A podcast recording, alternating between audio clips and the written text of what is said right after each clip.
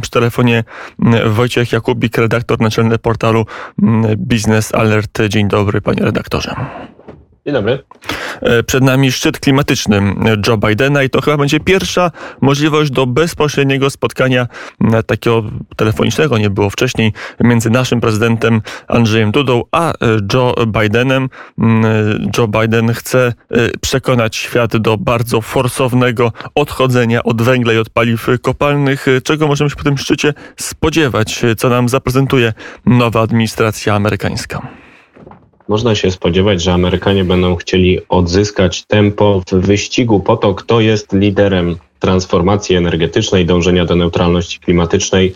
To y, miejsce w peletonie opuszczone przez Donalda Trumpa razem z wycofaniem się z porozumienia klimatycznego teraz y, zostanie znów zajęte i y, Amerykanie będą się pozycjonować gdzieś między Unią Europejską, która jest najbardziej ambitna, jeśli chodzi o politykę klimatyczną, a krajami takimi jak Chiny, które deklarują ambitną politykę klimatyczną, a faktycznie nie robią tak dużo, jak mogłyby w sprawie ochrony klimatu. Amerykanie będą z jednej strony mówić o wielkich ambicjach, o tym, co trzeba zrobić, że wszyscy powinni przyłączyć się do tych wysiłków, ale kiedy spojrzymy na konkrety już po tych wystąpieniach płomiennych, będzie można dostrzec rezerwę Amerykanów wobec najbardziej y, rygorystycznych rozwiązań. Na przykład Amerykanie już teraz spierają się z Europejczykami o taksonomię, czyli takie regulacje, które opisują, które inwestycje są w porządku, są dobre dla klimatu i zasługują na dofinansowanie, a które nie. Dla Amerykanów to jest nie do przyjęcia, to jest ingerencja w rynek, której e, nie chcą dopuścić nawet najwięksi zwolennicy polityki klimatycznej w Stanach Zjednoczonych. Są dyskusje o tym, czy towary docierające do Unii Europejskiej powinny być opodatkowane ze względu na emisję dwutlenku węgla. Tego też nie chcą Amerykanie słyszeć. Więc z jednej strony Biden na pewno będzie e, używał tej zielonej agendy e, w ramach PR-u amerykańskiego po to, żeby pokazać, że Ameryka wraca na arenę międzynarodową, ale jeśli chodzi o konkrety, będzie też pilnował pewnej rezerwy. No i tutaj na przykład dla Polski ciekawą propozycją jest y, podejście, e, które można nazwać dążeniem do neutralności technologicznej przy transformacji energetycznej. Amerykanie nie chcą rezygnować z atomu, szukają różnych alternatywnych technologii, które pozwalają zmieniać energetykę.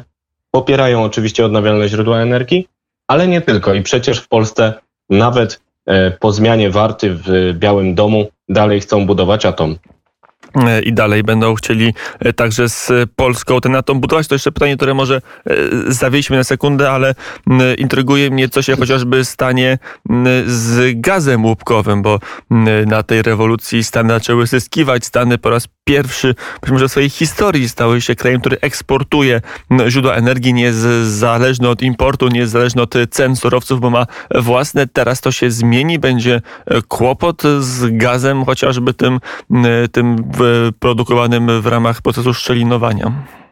To jest wspaniały przykład ambiwalencji Amerykanów, którzy mówią o zielonej transformacji, ale fakty świadczą o tym, że nie porzucą gazu łupkowego. Joe Biden owszem zdecydował, że nie będzie nowych koncesji na terenach federalnych. To znaczy jest pewien kres tej rewolucji łupkowej. Amerykanie nie chcą przesadnie dalej inwestować, ale nie zamierzają zabijać, zabijać biznesu, który daje wielkie przychody gospodarce, który pozwala eksportować te surowce. Rewolucja łupkowa sprawiła, że Amerykanie są eksporterami węglowodorów, węglowodorów na przykład do Polski i e, zmiany ewolucyjne będą zachodzić, natomiast nie ma mowy o rewolucji, na którą liczyli ci, którzy e, oczekiwali, że Joe Biden zakaże na przykład szczelinowania hydraulicznego, czyli określonej technologii, która pozwoliła sięgnąć po złoża łupkowe, jest bardzo krytykowana przez ekologów także w Stanach Zjednoczonych, natomiast Joe Biden e, nie ustępuje i na przykład takiego zakazu szczelinowania hydraulicznego, który jest do wyobrażenia w Niemczech, nie wprowadził u siebie i gaz łupkowy, na przykład ten, który teraz dociera do Polski, będzie docierał zgodnie z umowami handlowymi nawet do 2043 roku, a potem faktycznie może świat będzie bliżej neutralności klimatycznej i coś ten gaz zastąpi. Wodór, może coś całkiem innego, może w ogóle dostawy węglowodorów przestaną być potrzebne, natomiast to jest dyskusja y, na przyszłość. Na dzień dzisiejszy stałe, długoterminowe interesy amerykańskie, także te gospodarcze, będą realizowane z pewną korektą zieloną faktycznie, która będzie bardzo silna na poziomie przekazu. bo Antony Blinken zapowiedział nawet, jest sekretarz stanu, że e, Stany Zjednoczone będą przekonywać kraje zależne od węgla do tego, żeby go porzuciły. A Polska jest krajem od węgla zależnym, zwłaszcza tak. w energetyce. Mm, już to nie jest ponad 80%, ale cały czas 70 parę procent energii pochodzi mm, z paliw kopalnych, dokładnie z mm, węgla. Zastanawiam się, na ile polski prezydent będzie w stanie znaleźć wspólny język z administracją amerykańską, a na ile to jest tak, że będziemy się poruszać po dwóch różnych biegunach transformacji energetycznej jak najbardziej możemy znaleźć wspólny język, o ile nie zaczniemy od y, obrony węgla, która PR-owo może być y, strzałem w kolano akurat na tym szczycie, niezależnie od tego, czy ktoś popiera obronę węgla, czy nie w Polsce, ile węgla powinno w Polsce zostać. Możemy mówić jednym głosem właśnie o neutralności technologicznej przy transformacji energetycznej. Możemy przekonywać, że Polska, Stany Zjednoczone, inne kraje świata powinny dążyć do transformacji, ale mogą skorzystać z różnych narzędzi, na przykład energetyki jądrowej, na przykład na pewnym etapie z gazu, który także dociera ze Stanów do Polski, kiedy e, nie uda się od razu porzucić całkowicie węgla, może się przydać na e, etapie przejściowym gaz, atom może dać skokowy spadek emisji dwutlenku węgla. I właśnie takie zapisy są na przykład w polskiej e, strategii energetycznej, polityce energetycznej Polski do 2040 roku.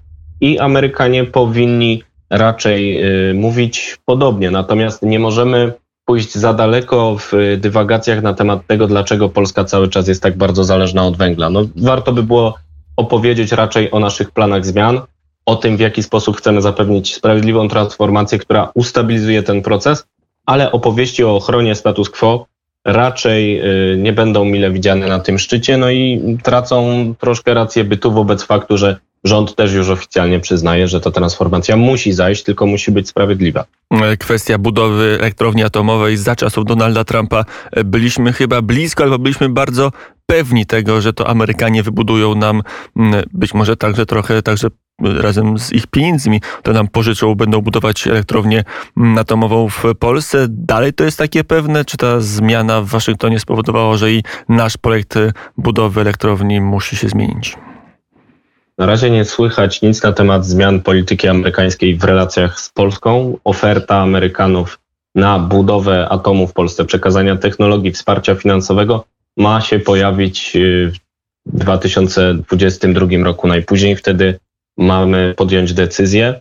Największym zagrożeniem polskiego programu jądrowego są opóźnienia u nas w kraju. Różne dywagacje, które sprawiły, że już teraz ten projekt jest opóźniony o ponad dekadę, chociaż Gdybyśmy realizowali wszystko zgodnie z planem, to kto wie, czy zaraz byśmy już nie odpalali pierwszego reaktora jądrowego, więc Amerykanie będą mogli zarobić miliardy przez dziesiątki lat na polskim programie jądrowym, dając też Polakom w zamian bezpieczną technologię, która pozwoli realizować politykę klimatyczną, zapewnić bezpieczeństwo energetyczne, więc długofalowe interesy naszych krajów przemawiają za tym, aby kontynuować rozmowy na ten temat.